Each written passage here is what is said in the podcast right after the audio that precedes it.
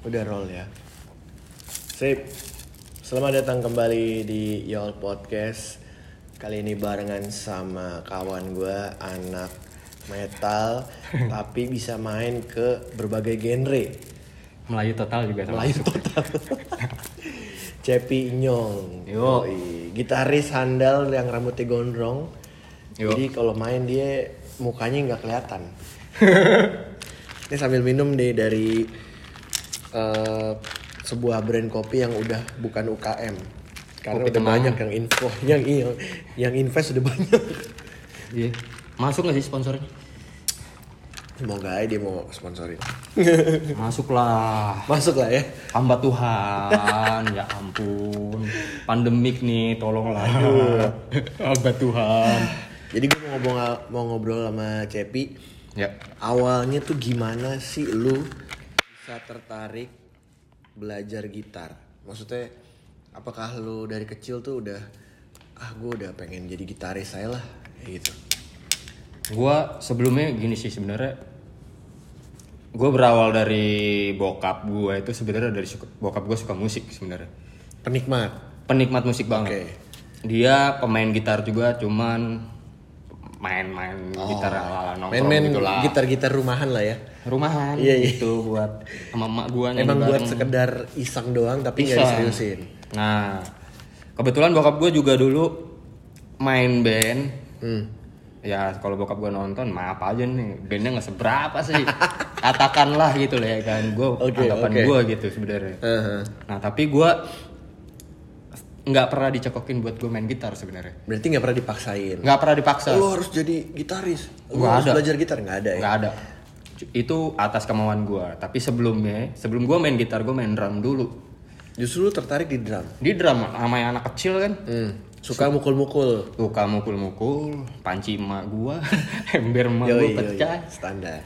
Nah itu awalnya. Begitu gua suka gitar yang pertama kali gua waktu masih SD itu kelas 2 lah ya. Gua nonton Guns N' Roses. Hmm. Yang dia konser di Tokyo Slash. Oh.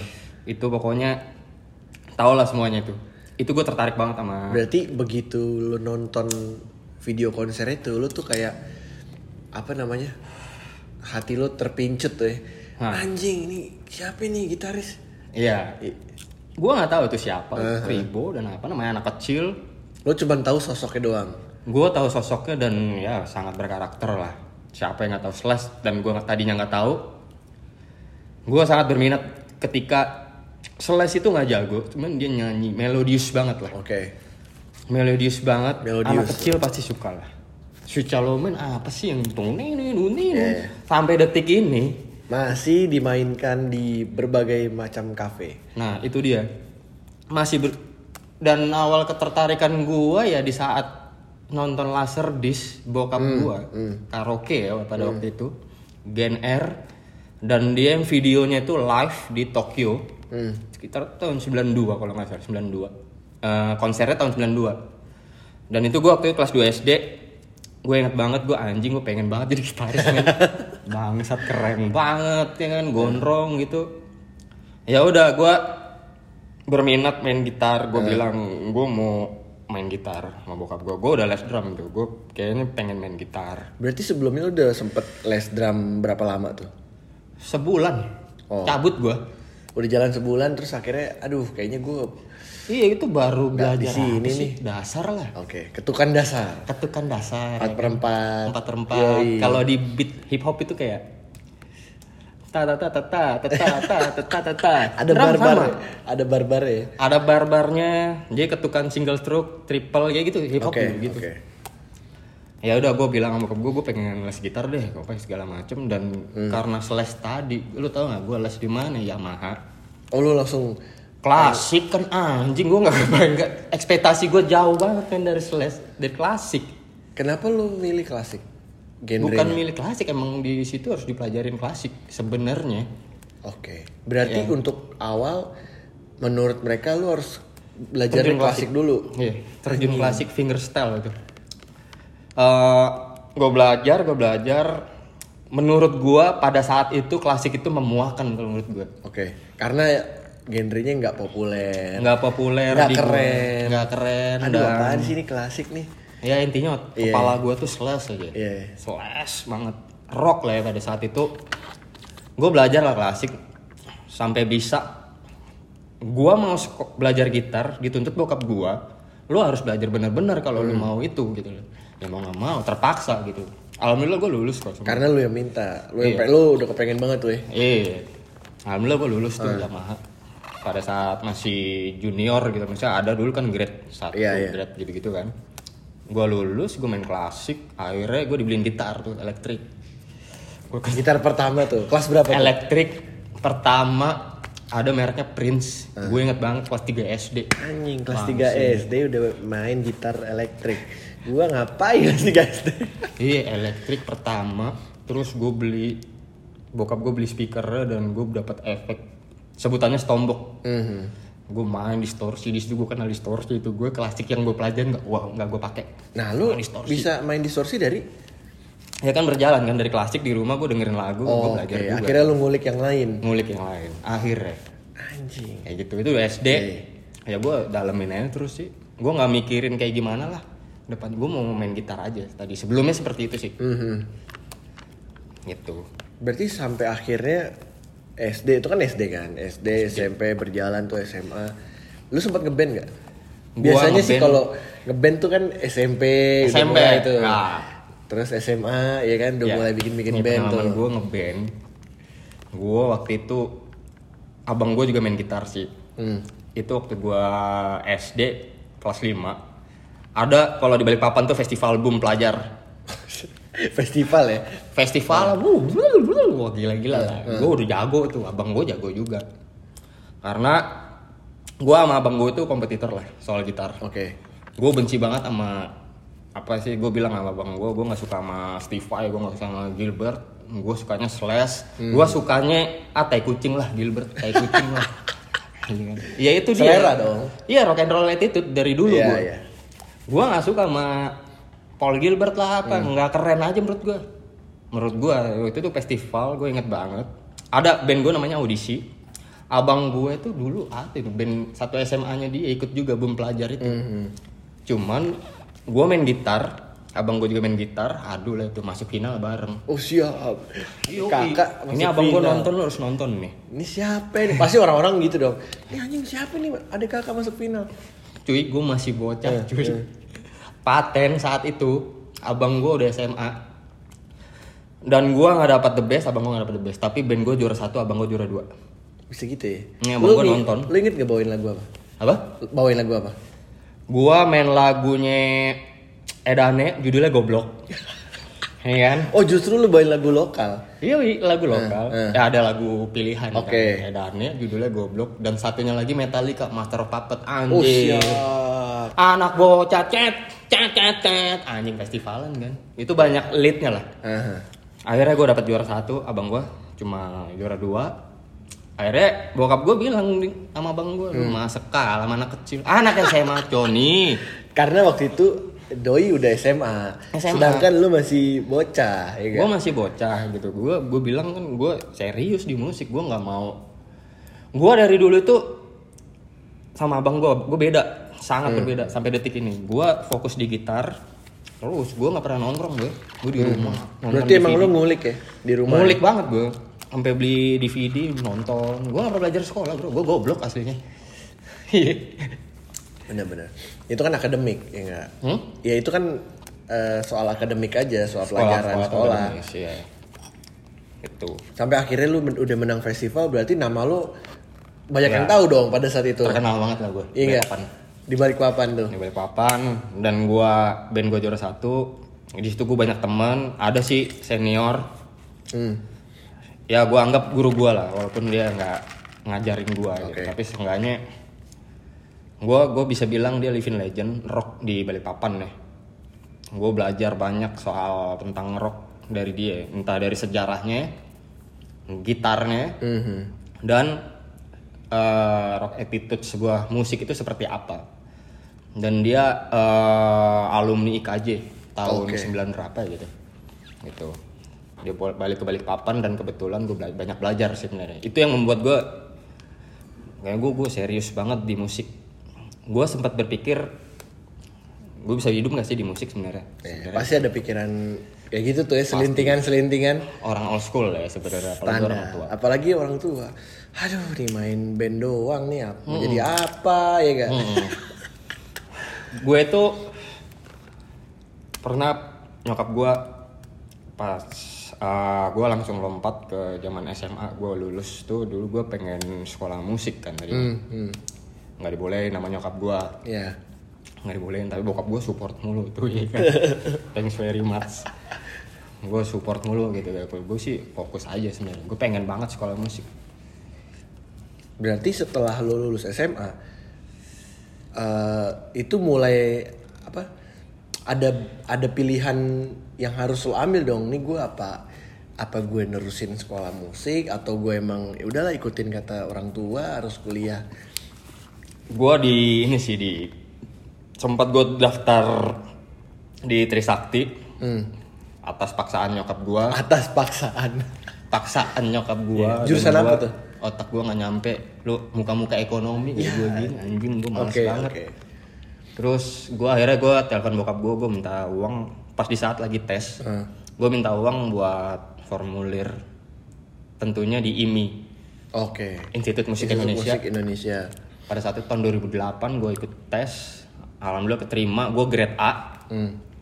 ya karena kan basicnya kan balik lagi gue prakursus. Akhirnya Oke. kepake tuh. Yang Akhirnya gua kepake klasik. tuh ya? nah kepake banget tuh. Kepake gue grade A lulus gue bilang bokap gue gue pengen sekolah musik gue nggak mau kuliah apa? Yang formal lah. Formal lah gue bilang. Karena gue udah capek ya namanya sekolah ya gue pes gue mau ngikutin passion gue gue mau ngikutin kata hati gue gue pengen hidup di musik Hmm. Akhirnya setuju? Setuju mau nggak mau. Nyokap gue mau ngomong apa? Gue punya surat terima nilai gue bagus. Iya, udah ada hasilnya nih. iya ekonomi masuk masuk. Cuman kalau hati gue menolak ya menolak pasti. Iya. gitu. Akhirnya lo masuk tuh di IMI. masuk IMI gue minta duit lagi sama bokap gue pak gue bilang gitu kan. Bayar uang pangkal sekian sekian sekian langsung ditransfer udah tuh. Hmm. Yang ditransfer gue bayar udah alhamdulillah ya Allah gue bilang kan. Anjing gue bilang men. Itu cita-cita awal lu gitu gue pengen gue seneng musik aja dari awal. Gue seneng apa pun itu ya. Sebenarnya gue, gue belajar musik sih sebenarnya. Seperti itu Berarti s- lo sempat kuliah dong, eh sempat kuliah dong di situ. kuliah di ini sampai 4 semester se 5 ke 6 ibaratnya kan lo harus nyelesain skripsi. Oke. ya gue males asli men gue males banget men. Kembali lagi lo harus ketemu tulisan-tulisan, buku-buku ya gak? ya sebenarnya balik lagi ke buku. Sebenarnya sih nggak apa-apa sih cuman guanya aja males. Eh. ya notasi. Nggak notasi zaman sekarang ya. Kalau notasi zaman dulu itu lo bisa harus ngeraba sama gitar. Oh lo sambil megang. oh, ini begini gue mau bikin apa gini gini gini. Atau ya dulu kan zaman tahun 2009 10 Uh-huh. yang namanya rekaman itu kan gue gue bisa mengatakan itu jarang sih. Iya. nggak kayak sekarang. Masih jarang banget home studio lah. ya home studio itu nggak ada. Iya. gue harus bayar. Bayar ke mana? Ke kampus. Mahal ya kan? Eh. buang-buang duit lagi. Akhirnya berapa? Buset mahal banget lah karya. Kalah lah kalau yang skripsi skripsinya formal kalah. Gitu. Gue menghabiskan uang banyak di situ lagunya udah ada. Hmm. cuman kan nulisnya males nih gue keriting mata gue Berarti lo emang tulis menulis tuh emang udah mager tuh ya? mager gue kayak gitu-gitu gue kalau gue bisa ulang zaman sekarang kalau udah kayak dulu mungkin gue rajin kali Oke. jadi kalau zaman sekarang kan teknologi maju Iya. bikin not Udah gampang tuh. gampang banget lu mau lihat not gue nih Hmm. gue rajin boy gue bikin bikin kayak gini gini gue rajin banget karena kan teknologi udah maju Udah didukung fasilitas, ya kan? fasilitas teknologi dan enak banget gitu loh maksud gue eh kalau zaman dulu hanya sebuah kertas dan pensil gitu loh Bener-bener manual. manual Yoi. salah dihapus nggak enak banget Jal. pemandangan anjing ini salah deh gue kalau itu kan bisa di delete ya Ada kan? bekas penghapus. iya kalau udah kelar di print Iya bener-bener. jadi kan kayak gitu sebenarnya Empat semester lumayan loh itu. Dua, Empat dua semester ya. tahun lah. untuk ilmu yang gua dapat sangat lumayan Iya, iya. sangat lumayan cuman gua cuman tertahan di kar- ah, karya tulis itu skripsi lah kalau bisa dikatakan skripsi lah Tapi kan selama lo jalan dua semester itu kan pasti lo juga banyak kenal teman-teman Banyak teman dari kenal. IMI kan. banyak kenal ini banyak teman juga yang terjun di industri dan gue banyak ngobrol sama dosen gue Andre Dinut. Salah satunya dosen gue juga. Ah, Andre Dinut itu adalah salah satu gitaris almarhum Glenn Fredly. Oh dia bagian Ya. gitaris, session player tapi gitarisnya. itu dosen gua. Gue banyak belajar tentang industri bagaimana cara main gitar. Ah, makanya gua nggak pernah mikirin tadinya sih. Awalnya gue bisa nggak sih hidup di musik ini awalnya begitu tapi ketika gua udah masuk kampus gue ketemu dosen ketemu teman ya akhirnya bisa membuka jalan lah Oke. gitu Akhirnya pintu mulai kebuka tuh. pintu kebuka alhamdulillah kan di dalamnya kan kalau di kampus gue itu ada siapa ya Macam-macam lah. Chris Patih Oh, oke. Iqmal Tobing. Hmm. Iqmal Tobing tuh kakak tingkat gua satu semester. Cabut juga. Ujung-ujungnya cabut. Ih, cabut sibuk kan ya kan. Iya, sibuk benar. inbox, ya kan. inbox inbox triat Rock Oh Indonesia. iya bener dulu dia teriak ya. Eh, anjing. pagi jam-jamnya yang ngampus jam 9 inbox. Iya. Dia jam 8 tuh. Iya, dia kan masih mohak dia. Tuh. Ya lebih memilih itu lah daripada kampus. Iya pasti. Enak lagi dapat duit ya kan. Kayak gitu. Ya gue ngobrol sama Andre Dinut dan gue bertanya bagaimana sih bisa hidup di musik selain ngajar. Gue kalau ngajar udah pasti lah itu pasti udah pasti hidup. Maksudnya Apalagi nih profesi Apalagi- apalagi, nih, ya kan? profesi ya, profesi apa yang bikin gue bisa hidup di musik? Ya kalau lu mau, lu coba deh lu eh, jadi gitaris di belakang layar, rekaman atau lu session player artis. Oke. Ya Andre Dinut ada salah satunya session player artis yang terbaik buat gue pribadi. Itu dosen gue. Ya session eh, eh, session player artis dan lu bisa bikin band kok. Gitu. Iya, iya. Selama lu bener atau sebenarnya banyak jalan kok sebenarnya. Nah, iya, iya, paham paham. Nah, gue sekalian mau ngasih tahu jadi podcast gue tuh nge- ngebahas soal industri musik kan, tapi yang gue undang bukan cuman eh, si artisnya doang. Iya. Jadi industri musik kan gede banget tuh, Gede, ya kan? luas. Bukan cuman artis di depan layar doang nih, tapi orang-orang di balik layar tuh sebenarnya juga punya peran-peran penting. Sangat Nah itu gue rata-rata gue gue ngebahas itu dan gue ngundang-undang mereka juga jadi nanti nextnya akan ada teman-teman media akan ada sound engineer mungkin akan ada produser macam-macam lah. macam-macam profesi yang eh, ada di musik ya. Yang selama ini orang mungkin masih nggak tahu oh ternyata ada ya kerjaan itu Ya, gue pernah sih workshop di Balikpapan ya. hmm. Soal pergitaran dan gue nggak bahas gitarnya malahan. Oke. Ya, karena ada yang bertanya, bang bagaimana sih bisa hidup di musik? Itu Ya, menurut itu gue pertanyaan simple yang ya harusnya bisa semua orang bisa Ya. jawab yang ada di musik dong. harusnya lo harus membuka mindset lo dan harus lo membuka wawasan dalam tanda kutip gue tidak mengajari tapi lebih kayak sebenarnya lo main musik tuh lu kalau di belakang layar tadi lu bilang peran Iya. penting. Ya kalau lu punya basic yang kuat basic dalam yang kuat itu dalam artian lu kalau misalnya siapa ya, Erwin Gutawa gitu. Kayak misalnya lu dikasih buku uh, gua mau lu main di konser gua lagunya ini udah itu kan semua di dalam buku itu udah ada basic kayak gitu. Iya, dan lu harus bisa mainin. Sebenarnya sesimpel itu. Sebuah lagu itu sebenarnya gue nggak tahu ya kalau gue mungkin semua musisi nggak nggak jauh dari apa sih namanya nggak jauh dari menurut gue ya untuk di Indonesia Hmm. antara 3 per 4 dan 4 per 4 untuk musisi mungkin tahu semua ini. 3 per 4 dan 4 per 4 itu adalah semua. Lu dari Sabang sampai Maroke Iya. Gue deng semua dengerin semua musik apa pun itu. Ya cuman dua ini doang Hmm. kalau menurut gue selebihnya ya itu yang yang dream theater lah progresif lah Iya, iya. selebihnya itu. Cuman kalau untuk memilih hidup ya itu dua notasi itu. Itu jadi gua nggak nggak pernah berpikir bahwa gua mau main musik. Gue orangnya memilah sih sebenarnya antara industri eh, industri dan idealis gue gitu loh Berarti lu bisa berjalan dua kaki ya? dua kaki gue jalan. Gue punya band band gue metal bisa dibilang crossover. Dan industri gue di belakang layar kadang ada di depan layar gue pernah main dan segala macem. Sah sah aja sih menurut gue sih. Nggak masalah untuk hidup ya. Punya bini cuy. Itulah dia, kembali ke realita hidup. realita hidup aja. Harus ada token yang diisi, ya kan? Iya, dompet masih tebel Dulu kan mahal. waktu gua masih jalan IO kan gue bikin acara di Jakarta Fair kan salah satunya lu main kan ya gue main di Gua panggung Gambir kalau Gambir, salah. ya. Yoi, yang di belakang tuh. Mm-mm. Itu lo sama band lo kan? Eh apa bukan ya? itu gue additional player tuh Oh edisional ya? instrunya ada nama bandnya The Guns Hmm. ya udah cukup lama lah itu band gue main sama dia gue bilang gue ditawarin dan gak latihan sih Anjir. Itu spontan aja tuh ya? spontan dan mereka kan rock and roll blues yang kebetulan gue suka juga sama BB King gitu-gitu Jimi Hendrix ya gue suka ya udah ngapain latihan gue bilang Berarti itu oh, udah lu main main aja lah. main aja Explore aja terserah lu mau gimana. Iya. bermain secara sinergi sih sebenarnya Heeh.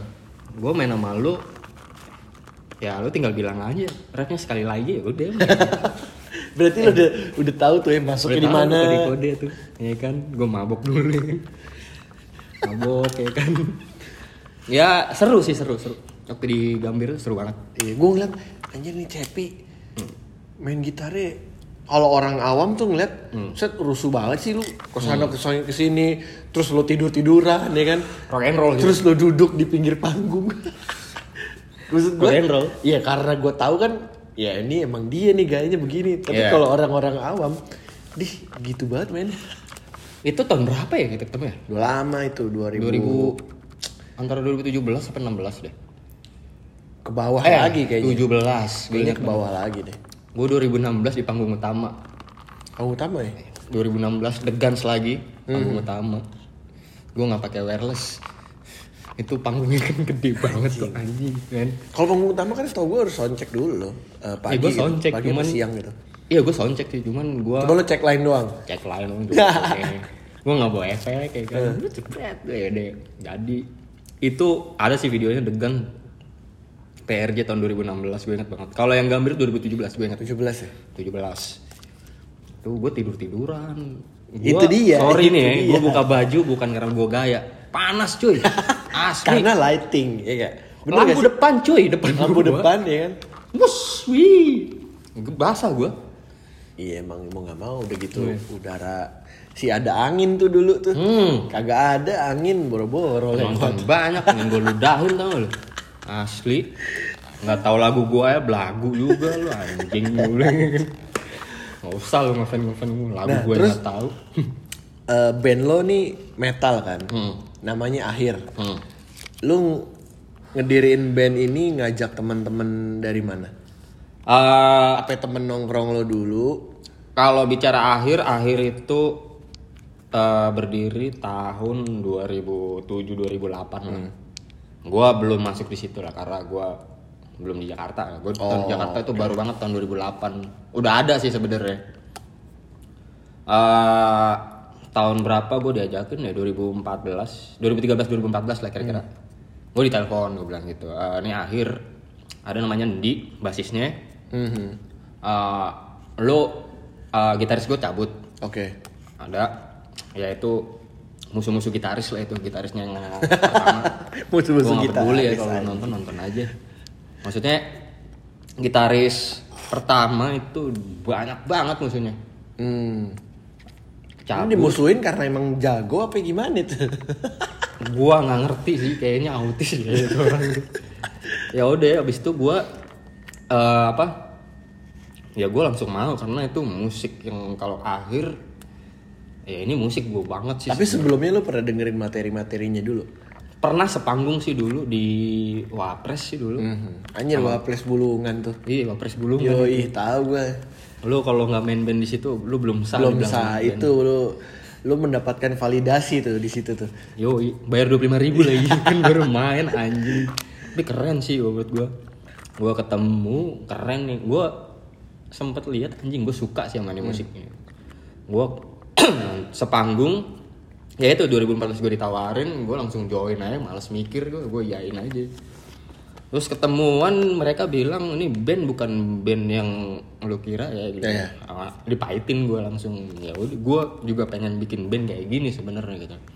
Tapi gue main dengan cara gue ya gue bilang gue ah, jadi akhir ada tiga orang lu bermain dengan cara lu sendiri sendiri deh. Oke.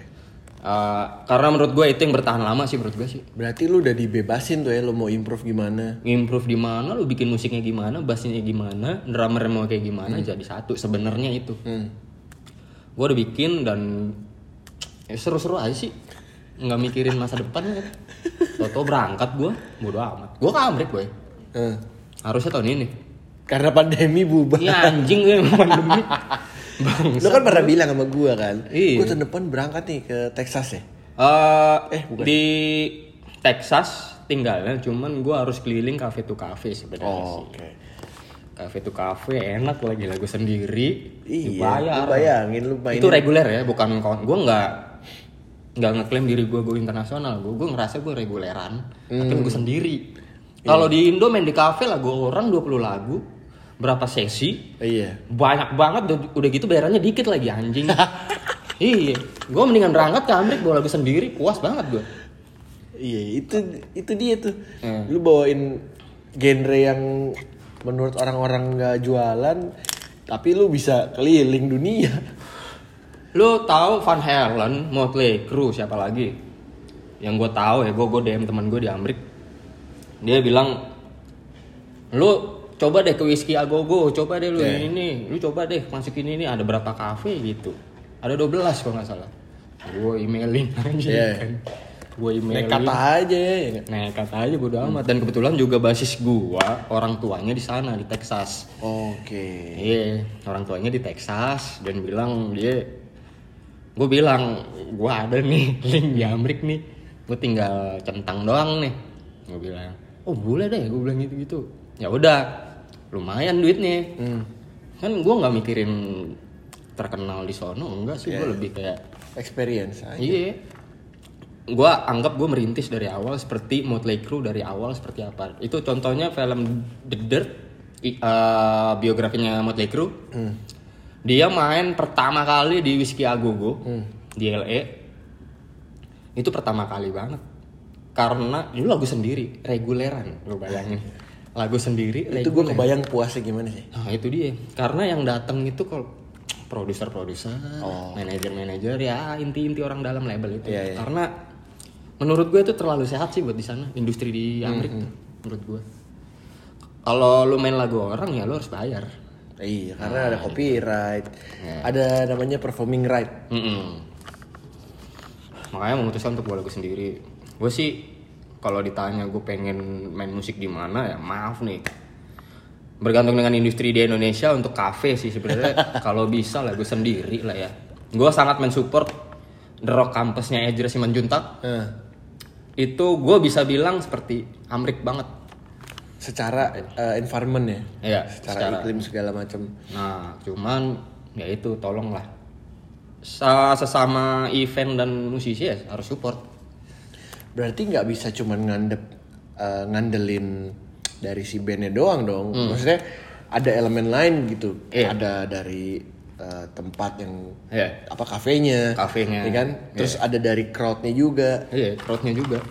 Ya kalau gue percaya di Amrik tuh open minded ya. Gue percaya itu sih. Gue bilang mereka nggak peduli ini lagu enak apa enggak. Menurut gue ya. Kalau menurut gue bule, ini lagu asik banget nih. Dia nggak tahu lagu gue, tapi kalau dia suka sama musik gue, gue yakin dia akan menjadi salah satu fans Oke. band gua itu yang bener-bener real fans ya Iya, iya. gua sangat menyukai itu dengan industri sehat dan akan terkumpul lah semua itu itu Iya. Gue gue waktu itu kan pernah ngobrol sama Om Tepi tuh, Dead Squad kan. Dia cerita waktu di Dead Squad main di eh, Jepang apa ya? Apa Korea gue lupa. Jadi memang penontonnya itu ngelihat bandnya dulu main, kalau emang keren wah anjing keren nih. Dia langsung pindah ke booth merchandise. Merchandise. Beli merchandise-nya beli albumnya. Hmm.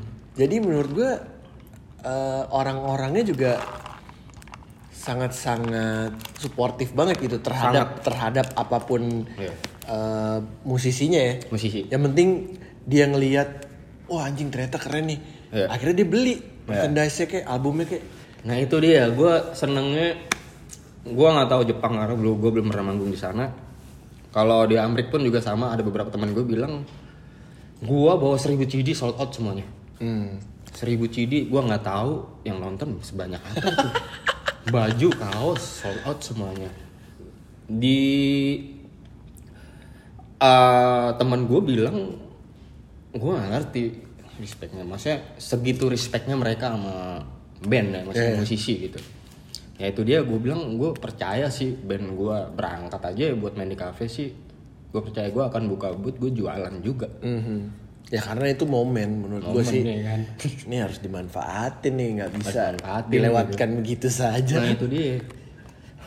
Kalau lu mau manggung main di kafe yang ya anggaplah kafe A gitu yang tadinya re- reguler top 40 lagu orang. Kalau band gua top 40 diganti dengan band gua lagu sendiri kita reguler pulang paling. Gimana respectnya? Suka suka enggak enggak gitu aja ya kan sebenarnya. Gua nggak ngerti sih apa yang salah di Indonesia sebenarnya sih. Karena kalau menurut gue eh kafe-kafe ya, menurut gue nih tempat-tempat hiburan itu kan emang udah di set ya untuk orang mencari hiburan ya nggak? jadi Hiburan. orang yang datang ke situ tuh udah capek sama kerjaan ya Iya. kan dia datang tuh pengen dapat hiburan Iya.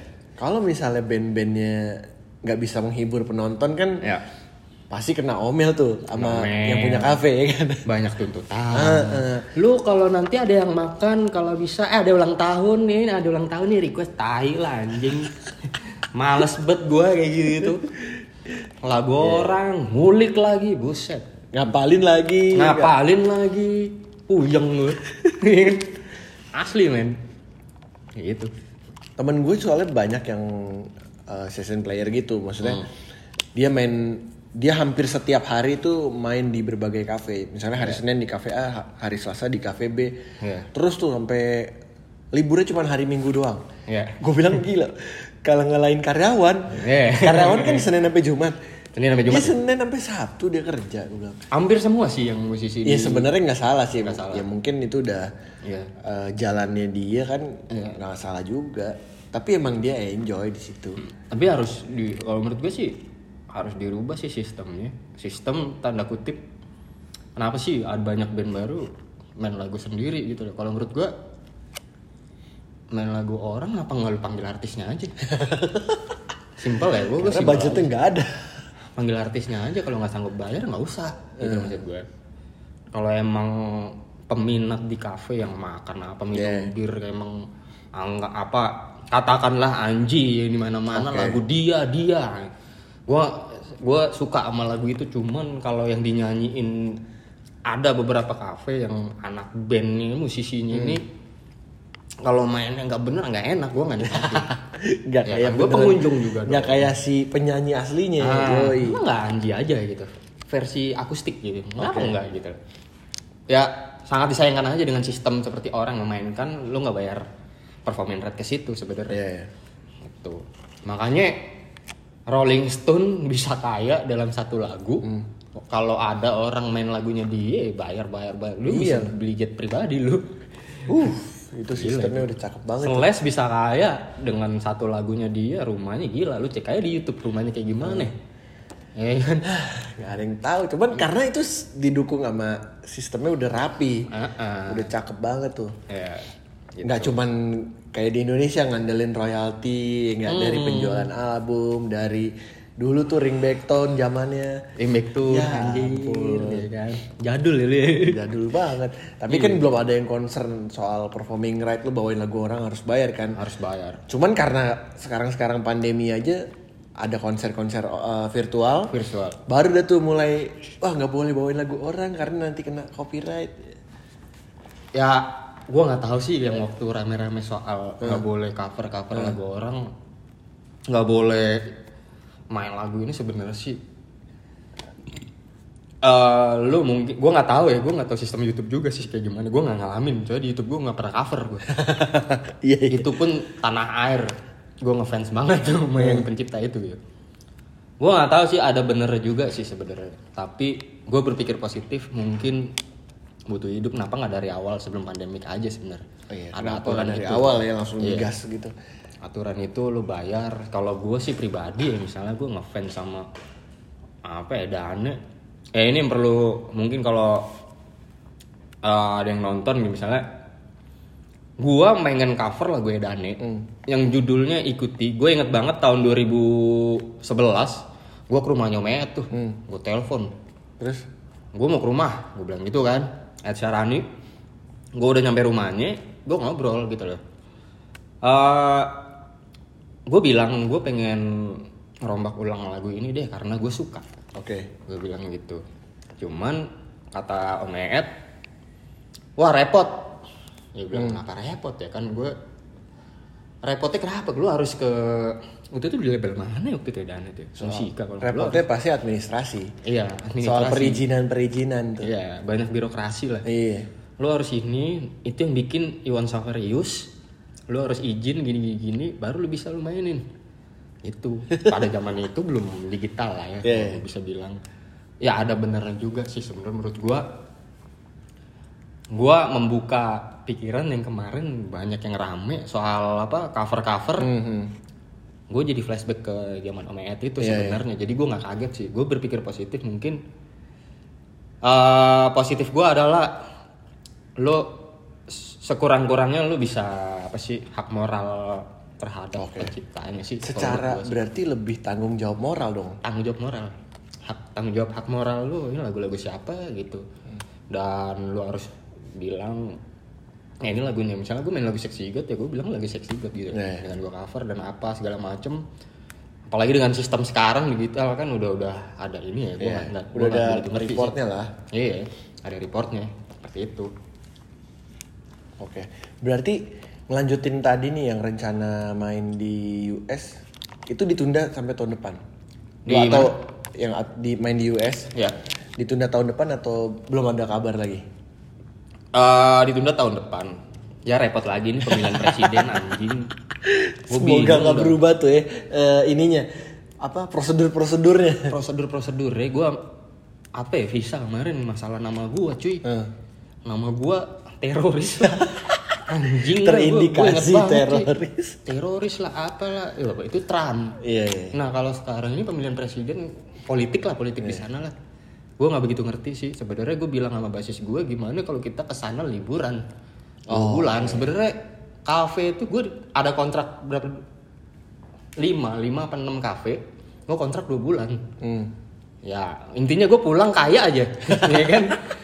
Gue pulang kaya aja gue gue liburan lagi gue bisa tuh gue maksud gue kenapa harus ditunda? Maksud gue pemilihan presiden politik lagi. Ini pandemik tahun depan politik lagi presiden ini mau Nah, perang pe- pemilu US udah sih kemarin iya. kan. udah pemilihan kan? Udah, udah, udah. selesai. Berarti kan 2021 tuh nih, maksud gue mudah-mudahan nggak ada nggak ada prosedur-prosedur baru yang Wah.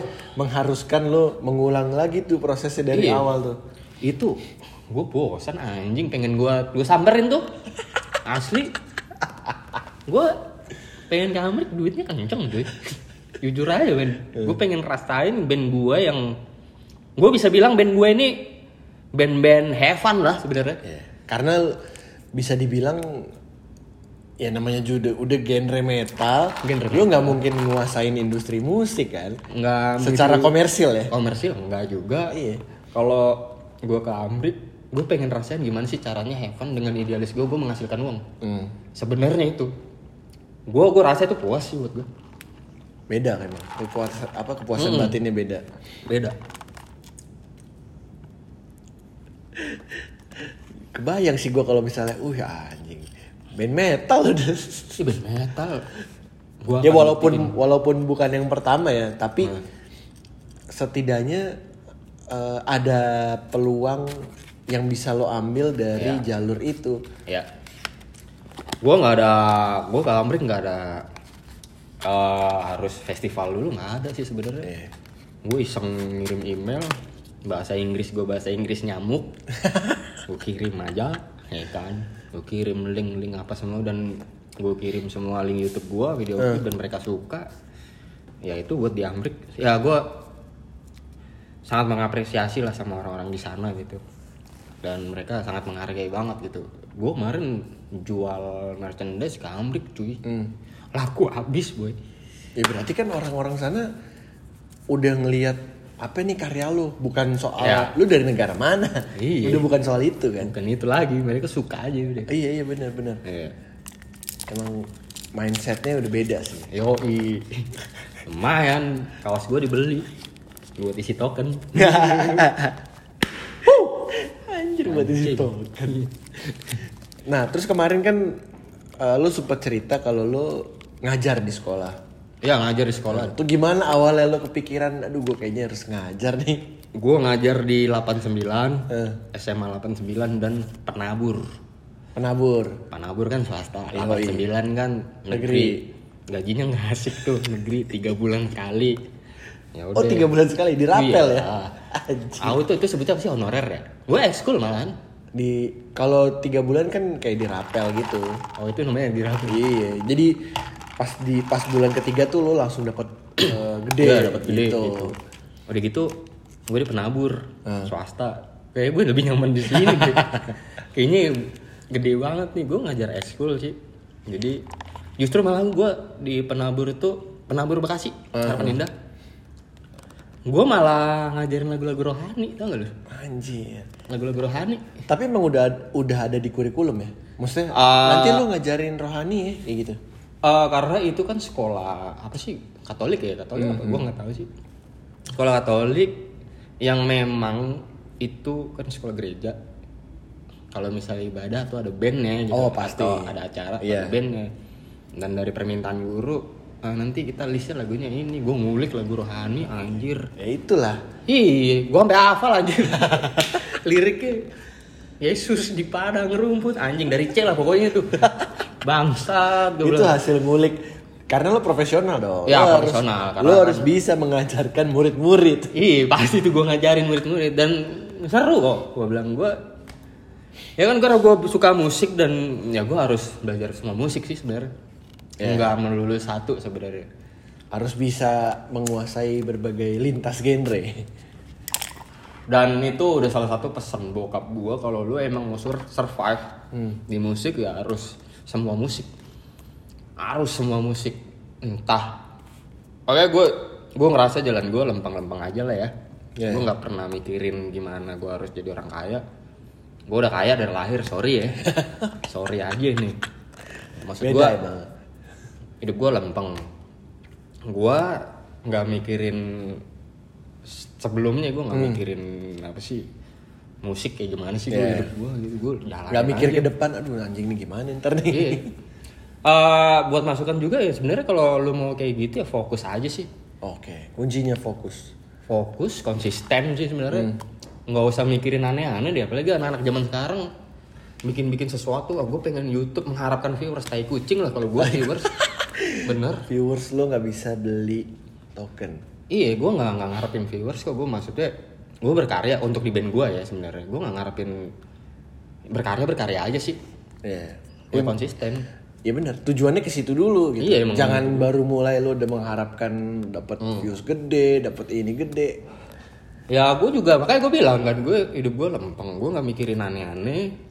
Gue suka musik. Gue juga sekolah-sekolah. Sekolah aja belajar sama siapa aja gue. Aha. Kalau gue ada duit lagi gue mau ngambil sekolah lagi. Mungkin di Erwin lagi gue lanjutin. Ya sesusah apa pun ya balik lagi ke tadi passion gue gitu loh. Sesusah apa pun kayak misalnya passion lo di dokter masih sampai ada tahap Iya. lu tinggi. Kalau lu suka ya nggak apa-apa sih. Menghabiskan dengan lu sekolah. Kalau untuk lu bisa hidup ya semua orang harus ya sebenarnya. kalau kita ngomongin duit semua orang butuh duit Iya. kayak gitu aja Sebagai jadi alat doang itu. iya maksud gua selama lu konsisten dan lu suka ya gas aja sih Iya. Betul itu. Wah, harus Biasanya gua digaris lempeng bawahi. aja. Gua pernah manggung Java Rockin Land. Eh, Gua dulu tuh gue ingat banget tuh bokap gua meeting di Hotel Mulia nih. eh. gue inget banget band gue yang lama lah Sting Road gue sebelum Edane band gue Oke. sempat gue buka tuh terus malamnya Halloween anjing gue nonton band Halloween cuy Wih, gue makan bareng, nggak nggak ngobrol gue cuman anjing banget tuh. Lu tahu gak lu lagu Power gue inget banget tuh. Gue cuma Halloween gue satu lagu yang gue tahu judulnya Power tuh. Itu leadnya aduh, gue suka banget tuh. Gue makan bareng tuh. Udah gitu bokap gue nonton. Tapi bokap lu tahu juga. Tahu gue gue bilang kan bokap gue mau ke Jakarta. Nah. Ngapain meeting? Dia bilang gitu. Tahun berapa tuh? 2011 tuh nggak salah itu. Mau meeting apa segala macam gini gini datang Hotel Mulia kan dekat tuh Senayan tuh. Iya. Datang bokap gue maksud gue bokap gue tuh ikut gue aja biar lu nggak usah bayar. Oh. Maksud oke. gua nonton di depan pagar. benar, benar. Masuknya bareng gitu. Maksudnya bareng, maksudnya kabar-kabaran gitu ya kan. Ya udah bokap gua bayar nonton kejauhan, gua main cuy. Di di videoin, di foto apa segala macem gitu. Gue disuruh nginep di hotel abis kelar main. Bokap gua nanya, kamu bener-bener serius nggak di musik? Dia bilang ini, bapak tanya lagi nih. Ya gue bilang ya gue serius lah. Ya gua, papa udah seneng kamu main di banyak orang itu itu Itu udah achievement tuh ya, pencapaian yang terbaik. pencapaian menurut orang tua itu Iya, sukses. iya, iya. Tapi Benar-benar. kalau untuk di gue pribadi gue nggak akan Belum. puas. Belum. Gue nggak belum sukses dan gue nggak akan pernah puas. Ya itu pencapaian dari orang tua. Ya udah, bokap gue bilang gini aja deh. Eh, papa mau kamu tinggal di apartemen dulu ngontrak. Hmm. Papa mau bangun rumah buat kamu. Wow bangsat gue bilang. anjing. ya gue mau lah, masa gue tolak. Rezeki. ya rezeki kan maksud gue ya itu yang gue bilang tadi udah gue lempeng gue nggak pernah mikirin apa apa gue fokus aja main gitar entah entah itu apa tuh jalan aja sih Nah, gitu aja apa pun itu itu sur- survive aja berarti itu kayak menjadi sebuah eh pembuktian dari lo ya ke orang tua lo tuh kayak Ke orang tua. gue udah nyampe titik sini nih gue manggung sama Edane ya kan? Aneh gue gue featuring sama EET tribute ACDC wah jadi gue udah telepon gue kulik lu ya 99% mirip. Oh siap. Jalan. Gue nggak mikirin bayaran. Udah tapi kan dibayar juga tuh. Iya, iya. main udah. Itu salah satu cita-cita gue waktu SMA sih gue dulu sempet menghayal gue pengen manggung bareng nih sama Ed Serani anjing gue gue menghayal banget tuh ini kalau main on- nanti gue kirim tuh ke linknya Ed nih. Gue inget banget nih. Gue menghayal sebelum ke Jakarta gue mau manggung sama lu. Berarti lu udah ngincer nih dari dulu ya kan dari dulu gue mengidolakan Edane itu dari SMP sangat sangat mengidolakan Edane di saat Edane dulu konser di Samarinda gue ngejar Omet nggak nggak dapet tuh gue mau foto nggak ketemu. Sekarang jadi temen gue sahabat gue juga. Karena dulu mungkin belum waktunya kali. Ya karena dulu belum waktunya dan gue juga masih sekolah. Hmm. pas di Jakarta gue udah niatin gue pengen ketemu idola gue dulu. Ketemu idola gue alhamdulillah sekarang udah jadi temen. Gue pernah manggung bareng. Iya. wah gokil cuy ya sih cuy gila anjing Iya, Oke berarti lah. Nah, berarti kan itu udah dari 2011 sampai akhirnya 2020 tuh kan udah banyak lah lu ngasih ngasih ngasih pembuktian ke orang tua lu kan Iya. kalau ya gue pada akhirnya gue bisa survive gitu gue bisa survive bisa kawin bisa kawin gue bisa ya jalan aja lah Hmm. gue jalanin aja ya fokus tadi yang gue bilang tadi konsisten dan segala macam gak usah mikirin apa-apa lah. Tapi mereka pernah nanya nggak? Kayak lu mau sampai kapan ngeband ngeband kayak gitu. Eh enggak sih karena waktu gue udah memutuskan untuk sekolah musik dia udah gak nanya lagi. Oke. Berarti kayak udah udah oke gue percaya malu udah Iya. lu jalan aja gitu. Terus nyokap gue bilang kamu kalau masih sekolah musik harus bener-bener ya. Iya gue bilang karena gue kan suka aja musik Hmm. sekolah aja lah sesusah apa pun musik banyak tuh not-not keriting yang gue nggak suka tapi gue senang aja. Itu dia tuh. ya gue belajar. Daripada gue sekolah ekonomi puyeng ubanan ya kan? Maksud gue eh gue mengiyakan pada nyokap gue gue akan serius kalau di musik walaupun gue cabut ya kan?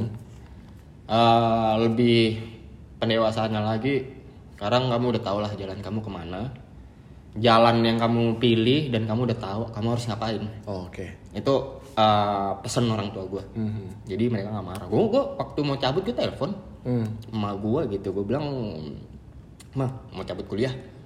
Ah, gue nggak enak sih sebenarnya walaupun sanggup sanggup aja gitu Iya, ya. iya.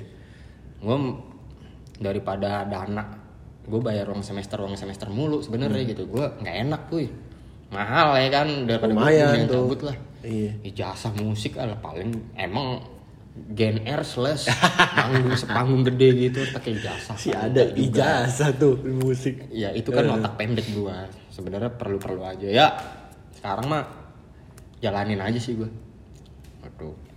Oke. Berarti eh, keluarga besar lo juga udah mengakui oh oke emang lo udah real musisi aja udah gitu. Iya. Udah mengakui, eh, mengakui. Gue dari dulu kan udah ngeband. Terus keluarga gue tahu lah gue. Jadi mereka udah nggak kaget sih kalau gue sekarang ini sampai sampai detik ini gue masih main musik udah nggak kaget. Hmm. Pasti ada dong awal-awal kayak ngapain lo main band gitu-gitu. Eh, alhamdulillah kalau untuk keluarga gue, keraguan keraguan itu pasti kan ada tuh. eh, alhamdulillah ya kecuali nyokap. Eh, Alhamdulillah untuk di keluarga gua kayak misalnya sepupu atau tante-tante gua apa gimana enggak sih enggak enggak meragukan. Karena kalau untuk di keluarga gua itu mereka gua nggak ngerti lagi balik lagi. US banget lah. US banget aja. US Open banget minded banget. open minded apa yang lu suka. Bahkan ada kok sepupu gua dia masak. Eh, kan kalau orang Indonesia untuk masak itu saya sempit banget tuh masak-masak sampai kapan lu? Sekarang lu di kapal dia walaupun itu pandemi. dia.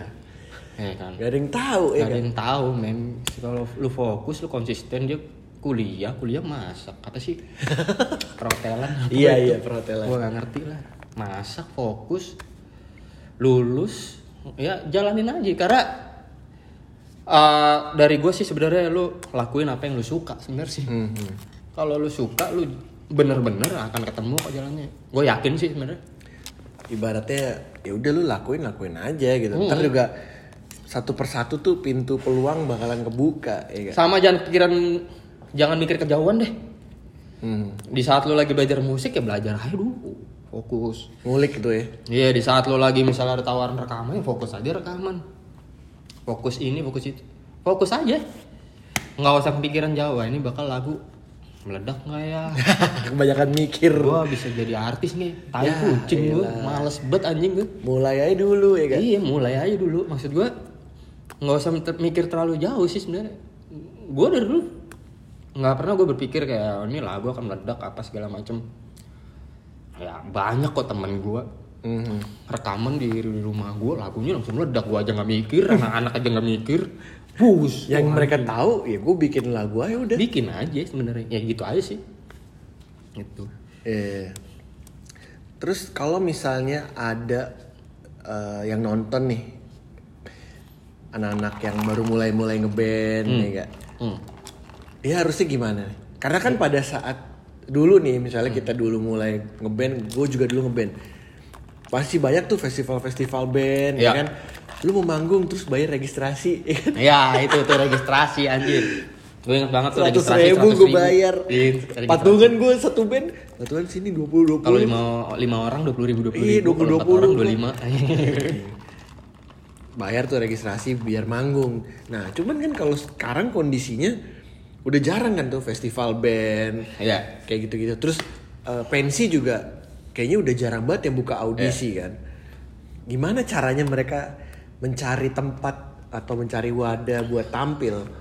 sebenarnya mencari wadah untuk tampil apalagi kalau misalnya pandemik gini sebenarnya menurut gue jauh lebih mudah ya lo berkarya apalagi sekarang teknologi udah canggih. Lo berkarya cuma udah laptop dan sound card aja udah jadi sebenarnya gua kondenser gitu ya kan? Dengan gitar dan instrumen lo gitu. Eh,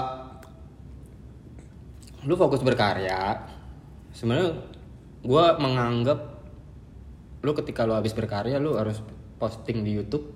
Gue menganggap YouTube itu ada performin gue sih sebenarnya. Oh, berarti itu kayak etalase lo ya? iya wadah sih sebenarnya. Hmm, tanpa lu manggung atau kalau misal mau manggung mau apa atau lu ber- banyak temen ya bergaul sebenarnya sih Ya, berarti lo harus pinter-pinter cari temen, Cari temen. nongkrong sana sini, ya kan? nongkrong sana sini gue juga berawal tadi dari nongkrong gue sampai jangan ngotak-ngotakin genre sih sebenarnya Hmm, nah, itu itu dasar, menurut gue dasar. Iya. Jadi kayak ah gue minta gue anak metal gue nggak mau main ke reggae gitu-gitu. hmm. Kalau kayak gitu menurut gue udah lo apa ya kayak memagari atau membatasi ya eh, tanpa terkecuali lu orang kaya ya. Tanpa terkecuali lu orang kaya dari lahir dan duit keluarga lu nggak habis-habis. Nggak apa-apa lu ngomong kayak gitu cuman kalau kayak gua gua pengen hidup. Gua punya kayak mau eh, apa ya statement di gigi band gigi itu hidup. Hidup untuk musik musik untuk hidup. Oke. nah gua gua harus hidup di musik tapi gua nggak ada musik kan gua nggak hidup jadi musik untuk hidup Berarti lu gimana caranya lu hidup lu tuh bisa bermain musik terus dong? Iya. Lu mesti apa ya? Bergaul, mesti ini kalau kecuali orang kaya terserah lu. lu main underground, lu nggak dibayar ya nggak apa-apa lo lu udah kaya. Iya, iseng-iseng aja aku bikin band aja. metal. Terkenal nggak terkenal juga lu kan pasti bodo amat Iya. gitu. Maksud gua nggak masalah, cuman kalau lu emang pengen survive ya nggak usah ngotot-ngototin genre sih. Oke oke. Ya lu tetap be yourself, jadi diri lu sendiri. Dan yang paling terpenting tuh ya lu mesti berkarakter aja sih. Nah itu, yang susah. sangat berkarakter Menurut gue itu salah satu cara eh, yang paling sulit ditemuin. Gimana caranya dia bisa dapat karakternya tuh? ya kalau gua gua nggak tahu yang untuk berkarakter seperti apa. Dan banyak orang bilang gua eet banget. Hmm. banyak yang bilang gua John Paulivan banget. Banyak juga yang bilang gua ada Mas Opet. Eh, eh, Opet dulu eh, Gigi. Bilang lu kayak temen gua dulu siapa ya? almarhum. Siapa almarhum siapa ya? Gue bilang kan. Andi Liani fuck man. Gue bilang gue mengidolakan Andi gue gak pernah ketemu gue udah mati duluan. Eh, jujur gue ngefans banget nih gue bilang. Lu kayak temen gue ada gue dibilang Andi Liani eh John Polivan nih temen lu nih ini. Eh, Wih ada JPI banget banget anjing. JPI. banyak sebenarnya. Bumerang. Ah, gue terpat nggak nggak terpatok sih gue ter mengidolakan mereka semua yang gue kulik semuanya. Gue band luar juga gue kulik semuanya yang kebentuk lah jadi gue sebenarnya. Iya berarti kan lo ngambil inspirasinya dari si Iya. A, B, C, lo combine sendiri. ya secara ir ya untuk Iya, musik gitu cuman untuk style gue nggak ngerti biar orang yang menilai ya gue sih nyaman aja sebenarnya gini Berarti ah, ya itu asumsi mereka semua dong, menganggap lo si A, si B dong. Iya, gue ya sebenarnya kalau untuk jadi gitaris jago itu udah banyak banget men. Lu cek aja di YouTube udah udah ratusan ribu. Tapi yang untuk berkarakter nggak ada. Menurut gue ya. Itu dia PR-nya. Ya, menurut gue ya, menurut gue pribadi gue nggak peduli ya. Gue di musim gue nggak peduli lah gue sama anak anak-anak gitaris gitu ya. Gue sering ngeliat kan apalagi teknologi Iya, Instagram apa segala macam untuk Indonesia doang tuh. Buset sama semua. sama semua. Maksud gue nggak perlu sih kalau menurut gue lu jadi diri lu sendiri aja sih nggak perlu. Lu nggak perlu jadi Gilbert, lu nggak perlu jadi Ingwi, lu nggak perlu jadi Eet. Sebenarnya lu jadi diri lu sendiri udah punya nilai plus menurut gue. Kalau lu udah mem- mempunyai itu ya, gue yakin lu akan ada jalan sih. Cuman kadang kalau gue ngeliat sekarang nih ya, Hmm. orang anak-anak zaman sekarang tuh kayak apa ya, males banget gitu kalau dia harus ngejalanin proses yang panjang, Ya instan kan. Iya kan? Ya, karena- Ya, karena semuanya sekarang udah serba cepet, Hmm. serba gampang, jadi udah gue pengennya instan lah. Eh, kalau gue boleh cerita ya mundur lagi ke belakang, gue dulu masih SMP tuh, gue punya gitar listrik, gue nonton Ingwi, judulnya Seven Sign. Eh, gue ngulik lagu itu itu bisa tiga bulan kali, Anjir, satu lagu tuh ya. satu lagu, karena cepet. Yeah. Teknologi cuman kaset di zaman itu, gue dengerin nggak ada tablatur. Berarti lu ulang-ulang tuh. ngulang rewind sampai rusak tuh pita kasih lem nasi dulu gitu ya kan Lem nasi.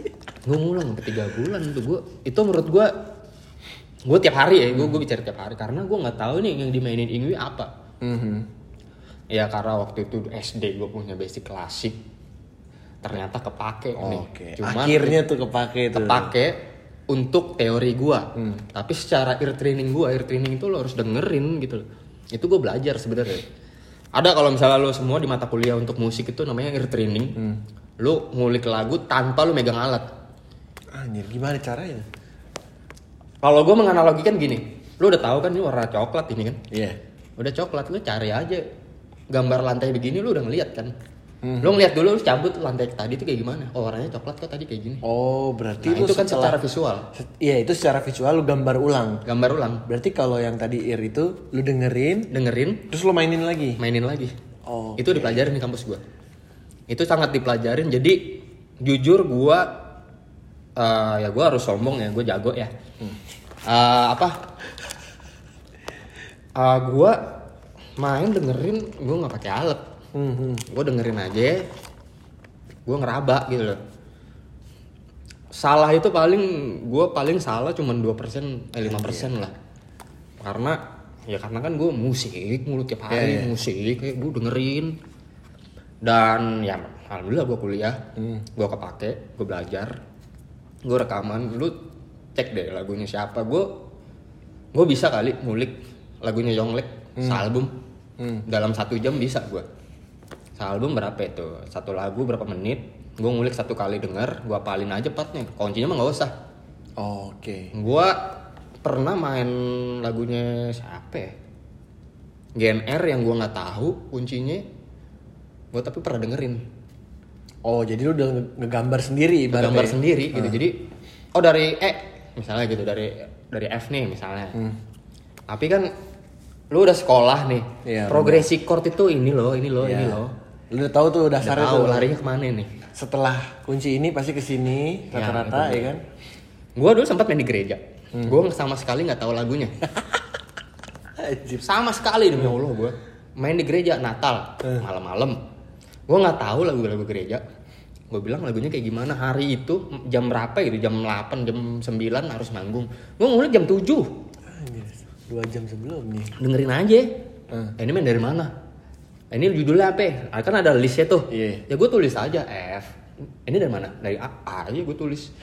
Gue udah tahu kalau larinya ke mana. Gue nggak tahu main lagunya men. Kayak gitu. Sebenarnya kalau untuk anak sekolah itu kelebihannya di situ. Kelebihannya. Mhm. emang kalau yang otodidak kan dia harus ngeraba dulu. Iya benar.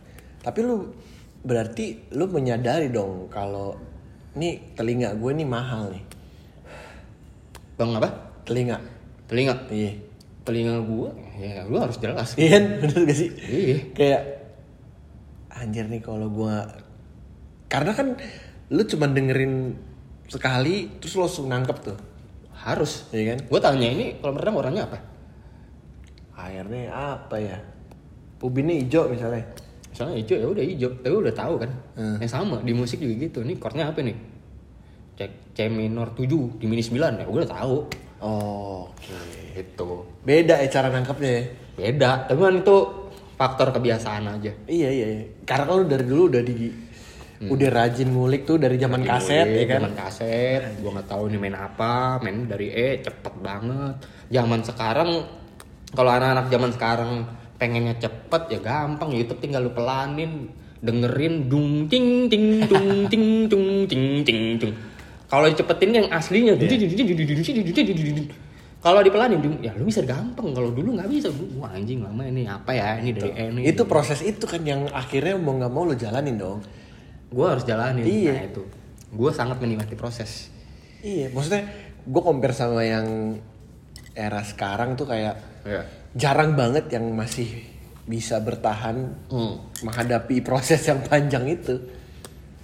Ya nggak tahu ya anak-anak zaman sekarang ya.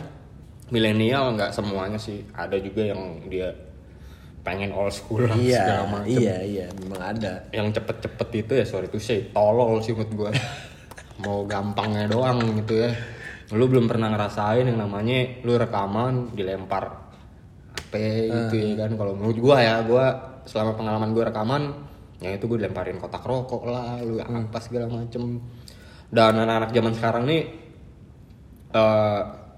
ter- mereka bisa cepet tapi mereka tidak bisa memanfaatkan apa yang lumayan dan mereka tidak menikmati proses sih Hmm. kalau gue sih sangat suka sekali dengan proses Iya nikmatin aja. iya kan gue ya itulah hidup itu proses cuy Terakhir nih ya, Hmm. lu pernah ada di titik terendah lu dan akhirnya lu harus cari solusi nih. Itu pas gimana tuh? Pas di kapan? titik terendah ya keluarga gue sih orang tua gue Oke. di tahun 2014 cerai Oke. cerai gua gua nggak nggak ngomongin duit gua nggak nggak kalau duit ada kalau hidup nggak bahagia buat apa Ih, itu dia. Iya.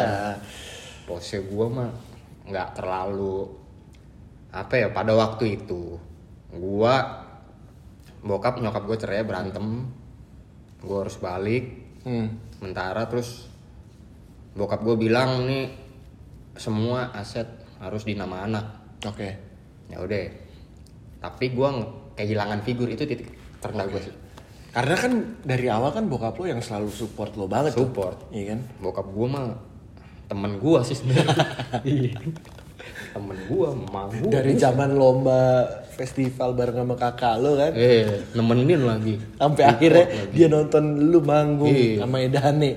bolos sekolah dan lu mau jadi apa itu cuman bokap gua apa bokap gua doang yang boleh gua ngerokok kelas 2 SMP bokap gua juga gua mabok bokap gua juga itu cuma gua kehilangan figur ayah dan ibu sebenarnya Oke. Gue bukan tentang nggak ada mantan ibu, nggak ada mantan ayah, bukan Iya. tentang itu, tapi kebersamaan sih sebenarnya. Oh. Kalau biasa bareng kan? Hmm. Pertama kali ya gua ngerasa sedih banget itu ketika Lebaran. Gua nggak bareng bokap, Hmm. tapi sama nyokap gitu kan bokap. Bokap udah nggak ada. Itu, itu hilang gue semuanya. Hilang. Kayak ada apa? Aduh. Karena kan kebiasaan lo dari dulu dan udah jadi kayak lo anggap temen kan? Ya, eh, dan itu ada lagunya gue Dark My Heart lah, hati gue gelap lah untuk sama semua orang gitu. Gue nggak ada figur, gue nggak ada abang gue juga nggak jelas ya. kan. Maksud gue, eh, titik terendah gue di saat nyokap gue bilang lu hidup sendiri, ya gue sih udah hidup sendiri sebenarnya. Maksud gue bukan itu sih, maksud gue ya. Eh, gue butuh apa sih? Butuh sosok. sosok sebenarnya itu titik terendah gue sangat terpukul sih sebenarnya gue gue sampai nggak main gitar berapa lama gue ya ada kali setahun dan di saat itu Lamb of God konser Di Ancol ya? Bener gak? Eh, Nayan kalau nggak salah deh Senayan ya? Nayan gue nonton Lamb of God dan gue tuangin semua itu jadi headbanger gue berdarah cuy pulang-pulang Anjing. Itu luapan emosi lo tuh. ya? emosi gue emosi yang di saat gue sedih gue drummer gue sih nonton tuh gue lama God baru mulai gue ke tengah-tengah bukan ke depan ya gue ke tengah aja oh, pasti headbang tuh. Iya. Wah, Pasti itu. tampol gue secara nggak langsung bunuh diri ya enggak sih gue pengen ngilangin sakit Iya, gimana sih pukulin aja gue headbanger tuh kan sebenarnya ya lu headbang sampai ada headbang dia nggak terima Hmm. Ya anjing lu bukan anak metal lu, Iya. pulang lu. Gua berantem cuy. Kalau gua kan berdarah, gua Iya. bengkak gua. Pulang-pulang anjing gua bahagia banget tuh gua nonton Lama Ogat gak rugi gua. Berarti baper tuh yang nonton tuh. Ih, banget Gak terima. Ada kali gua kena gesper tuh. Hmm. Gespernya lepas kena di badan gua. Masih ada bekas ya, Dit? Anjir. Nih. Hitam lah pokoknya. Nih. Itu gue itu senang banget lah. Abis nonton Lama ya udah. Lepas tuh semua ya? Lepas semuanya. Kayak apa ya, lega banget tuh ya. Ya setiap orang kan luapan emosinya beda-beda. Kalau gue sih ke situ sih. Hmm. Kalau gue ada masalah ya gue headbang aja lah. Daripada gue mabuk nggak jelas mati ngapain? Dosa gue masih banyak cuy. gue headbang pulang slow lagi ya. Besok kan cerita sama temennya lu kemarin sama Fkat anjing main lagu ini keren gue gitu-gitu udah. Iya. Udah seneng gitu gue. Berarti lu ada punya rencana eh, akhir bakalan ngerilis album? Kemarin udah sih eh, mini album yang kedua. Hmm. Ini album yang kedua, udah dua video klip. Terus eh ya itu ini lagi ada single terbaru. Terus bikin video klip lagi, ya itu yang tadi gue bilang gue bikin lagu, video klip, bikin lagu, video klip. Oke. dan tai kucing lah viewers lu nggak peduliin tuh view-nya berapa, yang penting lu bikin aja itu ya. nggak ya sorry ya YouTube gua nggak butuh duit sorry ya gua udah kaya. Sorry banget nih. Tapi kalau lu bisa ngomongin gua boleh. Iya boleh banget. Masa ditolak ya? masa gua tolak? Dolar lah kalau bisa eh Anjir. Oke, jadi itu aja. Ngobrol-ngobrol bareng sobat gue Cepi. Vidi Vidial. Dikaliku kehidupan sebagai gitaris metal yang uh banyak banget pelajaran yang bisa diambil nih. Fokus ya kan tadi lu bahas terus konsisten. banyak sih sebenarnya Banyak lah. gua aja nggak ngerasa banyak loh tadi ya gila ya Gak berasa udah sejam lewat ini. ini gua podcast baru yang kedua ini Oh gitu ya. Iya. Gue kan jijik pas liat muka gue ini anjing. Ya. Ini bisa gak sih dibelakangin aja gitu? Ntar gue blur deh. Iya, jijik banget gue kalau diwawancara gitu. Oke, terima kasih buat kalian yang udah nonton. This is video and Cepi. I'm out. Thank you Ya. Cepi. Sponsor, tolong ya. Mudah-mudahan eh, manggung-manggung lagi nih. Siap. Tolong ya sponsor. I'm out.